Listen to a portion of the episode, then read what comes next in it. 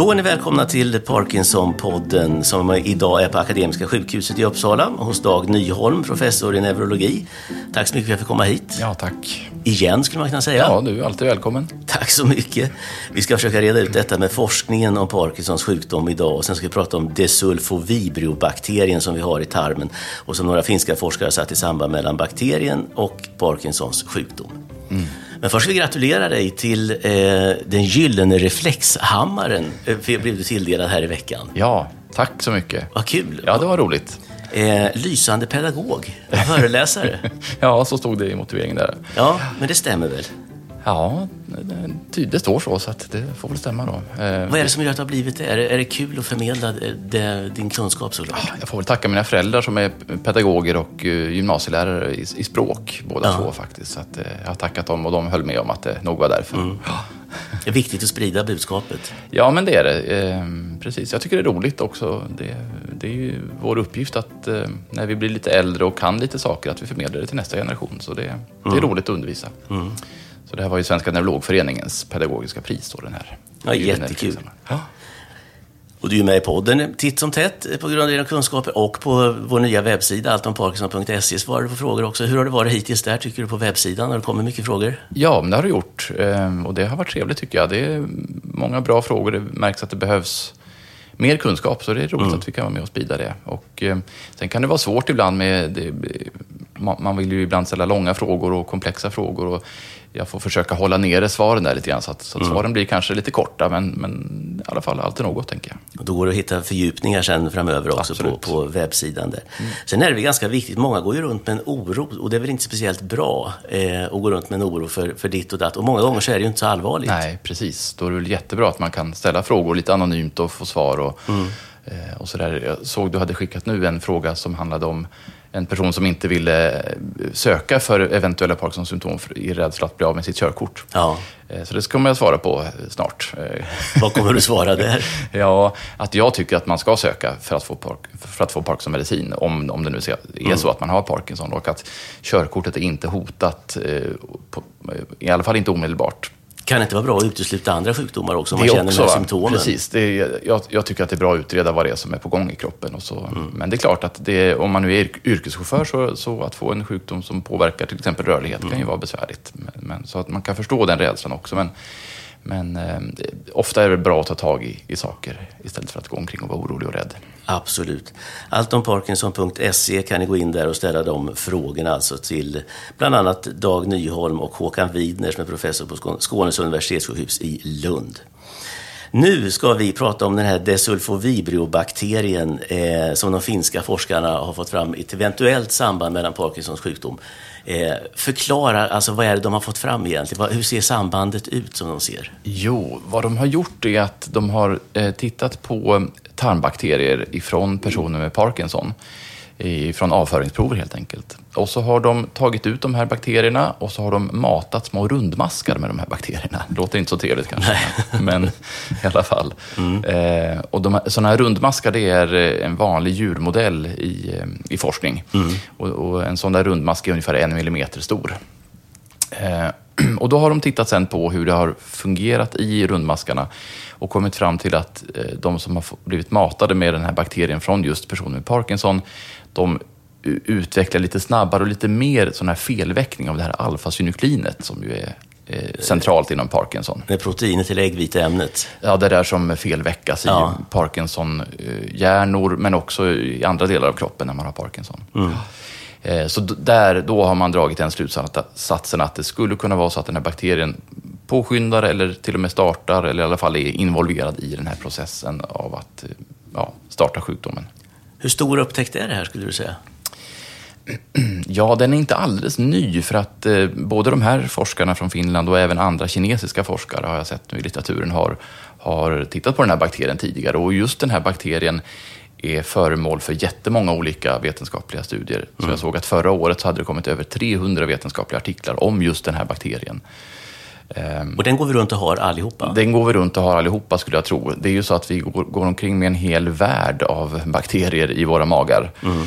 Ehm, det är enormt många olika sorters. Vi känner till några tarmbakterier som är med kända namn som E. coli till exempel, mm. hör man ibland om. Och, Och sen, sen har vi ju, eh, ja, vad har vi mer? Eh, enterobakter till exempel kan man känna igen. Det. Entero har ju med tarmsystemet att göra. Mm. Och sen finns det sådana magsjukebakterier och även virus då. Men det är bakterier vi pratar om nu då. Som salmonella och shigella och sådana mm. saker. Och mm. campylobacter som man kan få i sig och bli magsjuk av. Men eh, det är bara några av e-, enormt många olika sorters bakteriestammar. Det finns hela liksom, stammar och många undergrupper av bakterier och underarter av bakterier. Så det kallas för mikrobiom. Eh, ordet betyder liksom eh, den här världen av bakterier som vi har ja. i vårt tarmsystem. Ja. Eh, så det är jättemycket forskning som pågår eh, kring detta eh, och att försöka förstå faktiskt tarmsystemets roll och de här bakteriernas roll i vår hälsa rent allmänt och det här med probiotika man pratar om ibland, att det är bra med nyttiga bakterier och vi ska försöka få mindre av dåliga bakterier. Och, mm. Så massor med forskning pågår inom många olika sjukdomar också ska sägas.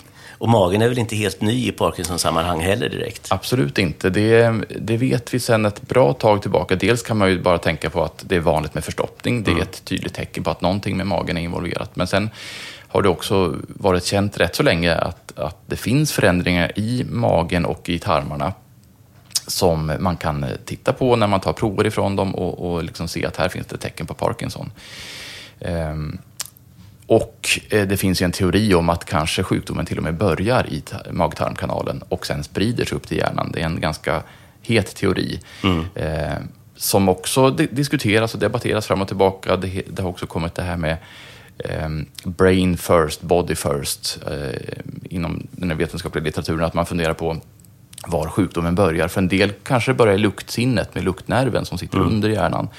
Eh, och för andra kanske börjar i tarmen och så på något sätt så sprider det sig in, in i hjärnan. Så det är olika sådana teorier om var och hur sjukdomen börjar. Ett helt galet detektivarbete egentligen. Ja, det är enormt stort. Och, och det är väl också viktigt att komma ihåg där att alla, eh, det är inte en sjukdom vi pratar om. Nej. Utan eh, alla som har Parkinson har lite olika symptom om man jämför. Det finns säkert undergrupper inom Parkinsons sjukdom. Så det är väldigt komplext mm. och många olika faktorer som spelar roll det här med att man hamnar i magen när problemet sitter med, med eh, dopaminet i hjärnan. Det känns ju inte som en logisk koppling på Nej. något sätt. Vad var det som ledde det till magen överhuvudtaget? Um, ja, det var nog kanske, jag är inte helt hundra på, på historiken här, men, men i alla fall så vet jag att det har gjorts då patologiska studier. Så en patolog är ju en som tittar på vävnad efter döden. Mm. Ehm, och eh, där har man då tittat i hjärnan och det har man vetat länge hur det ser ut i hjärnan. Men så har man också tittat eh, på personer då som har avlidit som har haft Parkinson och sett att även i tarmen har, har man hittat då mm. sjukdomsförändringar. Och då har man börjat koppla upp och fundera. Och sen har man funderat på hur kommer det då från tarmen till hjärnan? Jo, då finns det en, en stor nerv som heter vagusnerven. Mm. Som vi tror kanske är med och, och så att säga sprider upp sjukdomen till, från tarmen till hjärnan. Men inte tarmbakterierna man får upp i hjärnan? Inte, inte själva bakterierna, nej. nej. för då skulle man eh, kanske dö av blodförgiftning eller, ja. sånt, eller, eller hjärninflammation och så. Men det är någonting... Så, men någonting sätter det, om det nu är så att de här bakterierna har någonting med saken att göra, så sätter de igång någon process. Eh, och kanske handlar det om inflammation, det är också ett väldigt hett område inom, inom många av nervsystemets sjukdomar. Mm. Eh, och en del av sjukdomar som till exempel MS, det är en väldigt tydlig inflammatorisk sjukdom. Det är mm. nästan som en reumatisk sjukdom fast den sitter i nervsystemet. Eh, medan Parkinsons sjukdom ja, säkert har en hel del infl inflammationsfaktorer med i bilden, men inte alls lika tydligt så att vi vet att det är en viss typ av celler som är drabbade eller sådana saker. De hänger väl ihop också, många av de här sjukdom, neurologiska sjukdomarna efter vad jag förstår. Är det inte så att hittar man lösningen på ett så kanske det går att använda på någon annan också? Om man tittar på Alzheimer till exempel och Parkinson och leverdopa-kropparna och alltihopa det här. Ja, men precis så är det. Ehm, det, det handlar om felväckningssjukdomar pratar vi om då. Det är de här proteinerna mm. Eh, som är felväckade. Och det är gemensamt för många av de här sjukdomarna, precis som, som du nämner med Alzheimers sjukdom och leverkroppsdemens eller leverkroppssjukdom och, mm. Eh, och Parkinson. Att det är olika, eh, och även de här andra atypiska parkinsonismvarianterna, olika proteiner som av någon anledning klumpar ihop sig. Och, eh, det är väl just det som är problemet, att hitta katalysatorn. Vad är ja, det som gör att de börjar? Precis, och vi vet ju inte riktigt heller vad det här med hopklumpningen betyder. Är det, är, är det det som är sjukdomsorsaken eller är det bara ett steg mitt i någon process? Det är det vi inte mm. riktigt vet. Så alla pusselbitar här är, är intressanta. Den här desulfovibrobakterien då, eh, som man har upptäckt nu, då slår ju media upp det direkt. Nu är lösningen här. Mm. Eh, och för några, några månader sedan så var det de här sju miljonerna stamcellerna som, som en man fick inopererat då i, i hjärnan. Då var det lösningen. Mm. Eh, och många då som har Parkinson blir, blir naturligtvis jättelyckliga och nu är det på gång. Mm. Eh, vad säger du om den hanteringen utav media? ja, det är ju förståeligt som du säger att man, man, vill ju, man hoppas ju och, och vill, vill ha en snabb lösning på, mm. på ett svårt problem. Och det är klart att det är väl lite dumt kanske att, att slå upp för stora rubriker, liksom att säga att gåtan är löst och så. Eh, för så är det ju inte. Nej. Så att det gäller att på något sätt balansera det här hoppet mot att nu har vi hittat någonting nytt, spännande och ny behandlingsmetod eller ny, ny upptäckt. Det är jätteviktigt eh, att det kommer fram och att det forskas mer om det. Men det är också viktigt att, att eh, förstå att det liksom är väldigt mycket forskning kvar när man har kommit fram till någon sån här sak.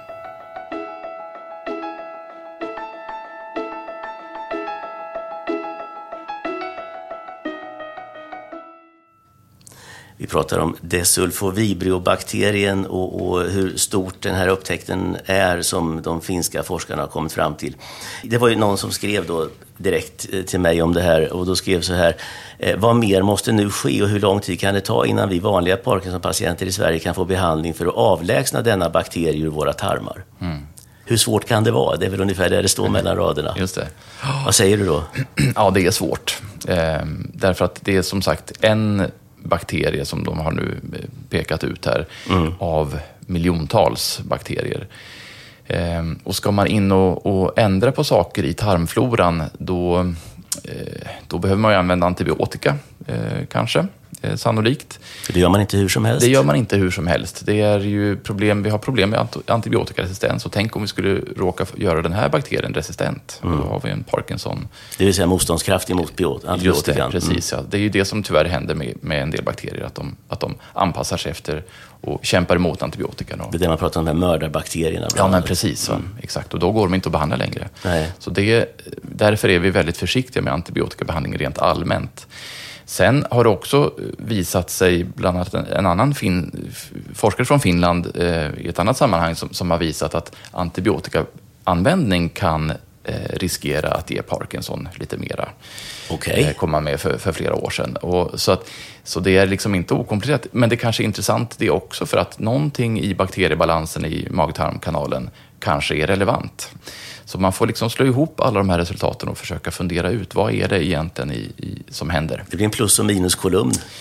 Precis. Enkelt uttryckt. Ja, så är det. Så, att, så tyvärr är det inte så enkelt som att det bara är att ta bort en bakterie. Eh, utan, eh, för det första måste vi forska mycket mera på det här och, och, se. Är det, det har också visat sig tidigare studier att det finns även andra bakterier som har lite liknande effekter som den här sulfovibrobakterien. Mm. Eh, som till exempel tillverkar något som heter eh, vätesulfid. Det är det som luktar illa om, mm. om, om tarminnehållet. Mm och det skulle, just den substansen skulle kunna påverka den här felväckningen. Men, men det, verk, det finns många andra bakterier också som, som också eh, tillverkar den här. Om vi håller kvar den här bakterien och den finska rapporten här, hur lång tid är det kvar om allting skulle gå som på räls? Det är ingen bra exempel numera, det är inte mycket som går på räls eller som funkar på tillfället, men du förstår vad jag menar. Ja, om du skulle flyga? Ja, precis. Nej. Ja, någonting sånt där. Metaforerna haglar. Ja, nej. Eh, nej, men någonting sånt. Att allting skulle gå utan problem. När skulle man då kunna ha en lösning på desulfovibrobakterien tror du då i så fall? Ja, det är ju omöjligt att veta. Man får gissa. Och en bra giss, en, en sån klassisk gissning är att det tar fem till tio år efter att man har gjort en stor upptäckt till att det händer någonting. Mm. Vi kan ju jämföra det med Arvid Carlssons gamla upptäckter om dopaminet på 50-talet. Mm. Efter det tog det tio, minut, äh, tio, tio minuter, tio år ja, äh, ja. att äh, komma på att man kunde behandla med L-dopa, levodopa. Mm. Så tio år är väl en ganska rimlig... Under tio år hinner det hända ganska mycket. Samtidigt som att tio år är, när det gäller läkemedelsutveckling är väldigt lite mm. också. Det är väldigt lite. Ja, det är det tyvärr. Det är det faktiskt. För att sen ta fram ett läkemedel som dessutom ska vara säkert och... och Exakt. Det, måste först, det tar sin tid också. Ett, ett läkemedel, om man nu skulle hitta på... låt oss säga att, att vi, vi kommer på en, att, att det här är, den här bakterien ger någonting mm. som vi kan behandla, kanske inte med antibiotika, kanske med någonting annat.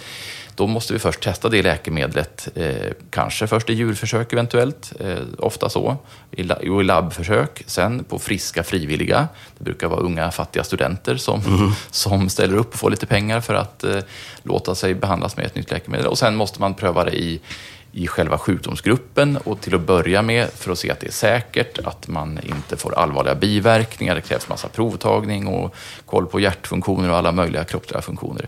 Mm. Och sen kan man börja testa det på riktigt eh, i, i kliniska prövningar då på, på till exempel då patienter. Och, eller, ja, och, och, och sådana studier behöver också hålla på i flera år för att man verkligen ska veta att det hjälper. Så det är lång tid. Internationellt, alltså har ni koll på kollegorna runt om? Om man till exempel sitter någonstans i Australien nu och säger åh, nu har vi kommit på lösningen, men vi säger det inte till någon. Mm. Skulle det kunna vara så?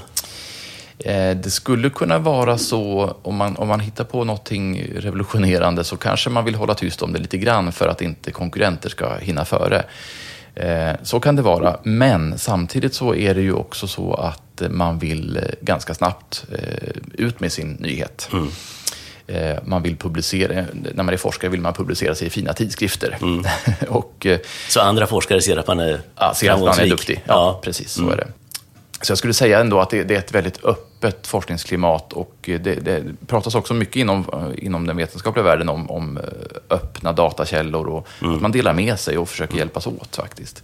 Så, men det är klart att det kan finnas en viss, eh, viss benägenhet att hålla sina spännande resultat för sig själv ett tag, men sen vill man ju eh, och kanske planera för hur man ska lansera dem och hur man ska få gehör för dem. Arvid fick väl eh, Nobelpriset 00? Ja. Ja, precis. Men det var inte för dopaminet i sig, det var för att han lyckades få det genom hjärnbarriären? Ja, och, och, och, försöka, och visa då att dopaminet var en eh, så kallad neurotransmitter, en sån här eh, signalämne i hjärnan. Det, det, var, det, visste man inte då, utan det var, det var framförallt det han fick priset för. en det, av 50 signalsubstanser ungefär? Ja, just det. Och, och det priset fick han ju ungefär 40 år efter sin upptäckt. Drygt ja. 40 år efteråt. Så. Förstår du otåligheten hos patienterna där ute som undrar vad ni... Ni sitter inte och håller på någonting? Liksom. Nej, nej, det gör vi inte. Eh, just det, nej, man behöver inte dra igång någon konspirationsteori om att vi egentligen skulle kunna lösa nej. gåtan. Nej, så är det inte. För det finns ju en underton när man säger hur lång tid ska det ta innan vi vanliga Parkinson-patienter får hjälp? Ja, just det. Jo, det är klart. Nej, men det, det får man förstå. och... Det är ju så, vi, vi kan ju väldigt mycket nu och om man jämför med några decennier bakåt i tiden så kunde vi inte behandla särskilt många eh, neurologiska sjukdomar alls. Nej. Nu har vi ju jättemånga bra behandlingar för många av sjukdomarna. Samtidigt är det vissa sjukdomar som vi inte kan behandla alls fortfarande. Mm. Ibland kan man lite avundsjukt titta på hjärtat eller njurarna som är så simpla organ, väldigt enkla att förstå och eh, där man kan gå in och mixtra och, och behandla olika saker. Men här handlar det om hjärnan Mm. Och där måste vi vara lite ödmjuka och säga att den, vi förstår inte den.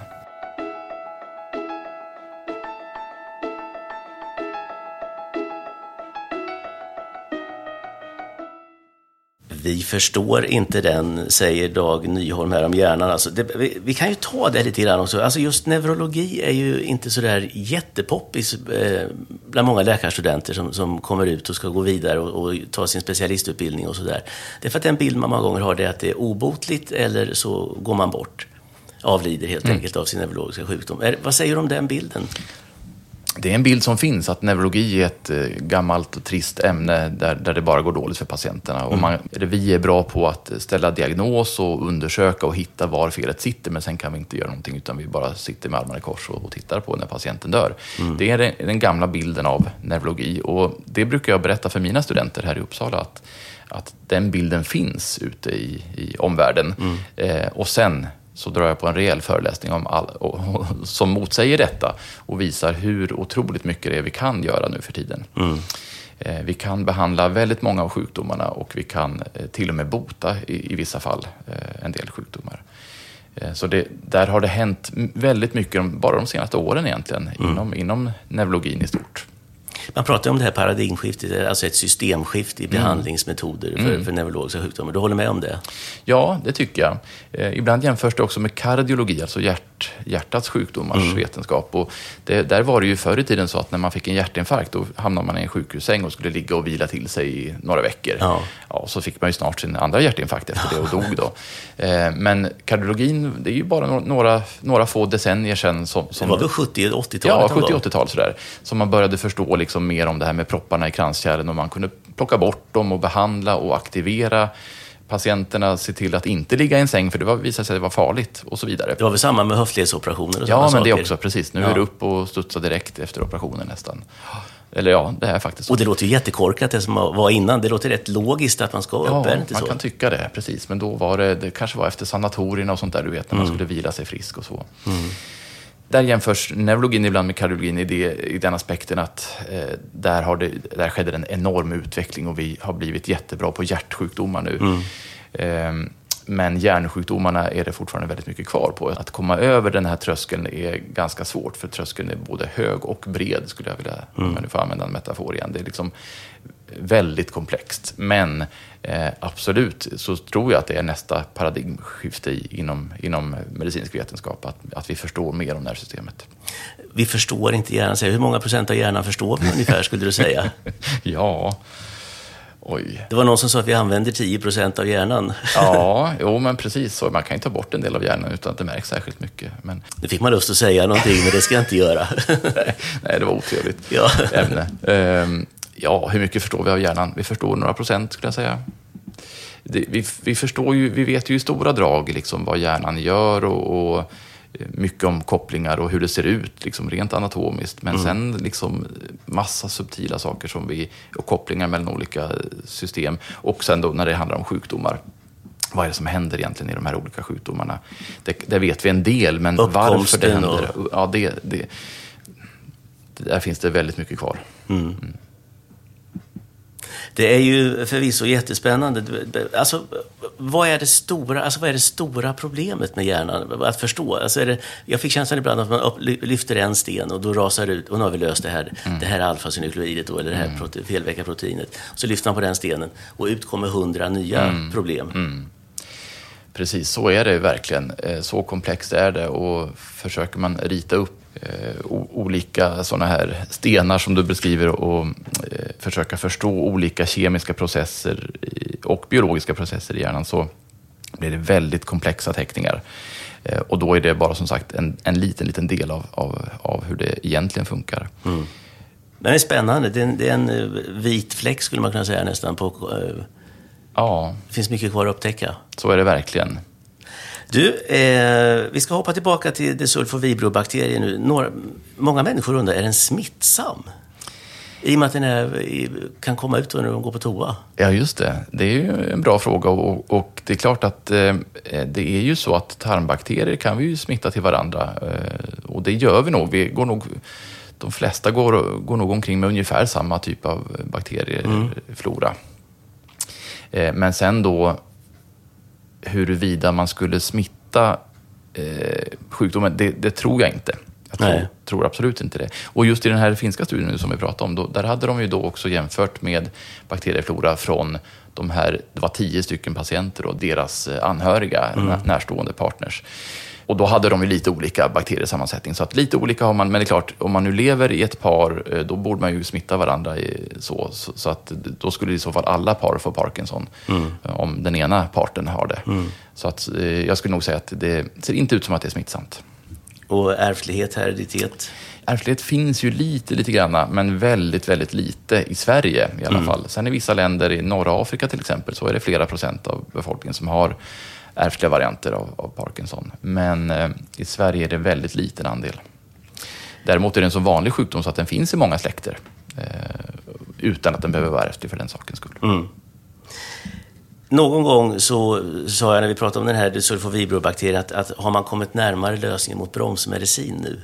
Mm. Skulle du säga att man har gjort det, tagit ett steg mot det? Kanske. Det, vi vet ju inte det än riktigt. Nej. Det är som sagt några år kvar av forskning mm. innan, innan vi vet det.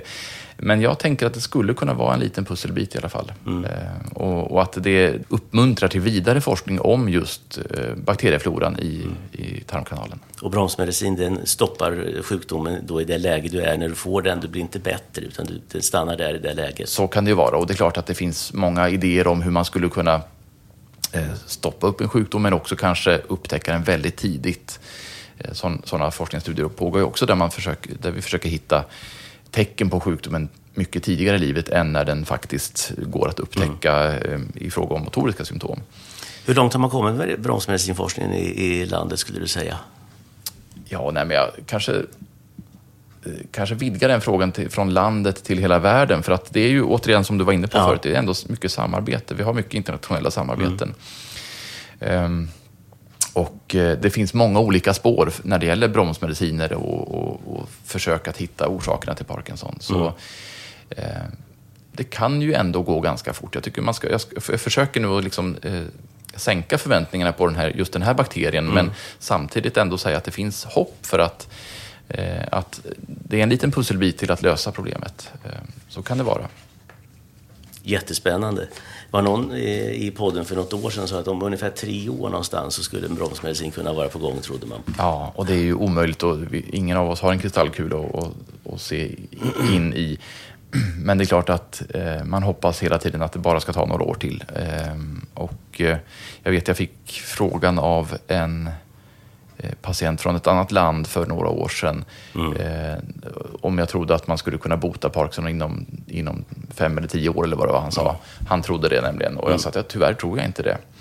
Eh, men vi slog, slog lite vad där då. Men tyvärr så har jag nog vunnit det vadet vid det här laget. Eh, så det är, det är, man ska komma ihåg att det är väldigt komplicerat. Mm. Eh, och eh, det tar tid. Men varje sån här upptäckt som, som vi nu ändå får ta del av är en viktig del i, i att öka förståelsen.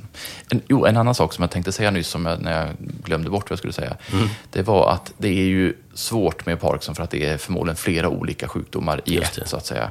Som jag lite grann nämnde nyss också. Men det gör att om man nu har en grupp med, med personer med Parkinson och undersöker och letar efter varför de har fått det, så kanske det faktiskt är tio olika orsaker hos tio personer.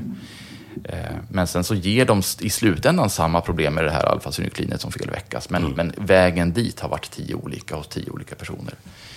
Eh, så det gör ju också forskningen väldigt svår. Klart det komplicerar hela systemet. Ja. Eh, sista frågan nu. Eh, Desulfovibrobakterien. Alltså vem kommer på de här namnen? ja, eh, det, jag vet inte det här namnet just riktigt. Eh, Sulfo har ju med svavel att göra och den, den här bakterien är en av de som då eh, bildar den här vätesvavelföreningen. Mm. Eh, så det är väl därifrån som den kommer. det är den som luktar? Namnet. Men, ja, den som luktar illa, ja. Precis. men sen vet jag en del andra bakteriestammar har, har namn, alltså egennamn. Mm. Mm. Så det kanske, hade du upptäckt någon så hade det funnits en stålhammaribium-bakterie. Mm. Den hade de tagit bort direkt. Men det känns ju ändå lite positivt för det pågår mycket forskning om bromsmediciner och, och eh, du lär få skriva ut ditt första recept eh, under din karriär. Det hoppas vi. Det är några år kvar ju. definitivt, definitivt.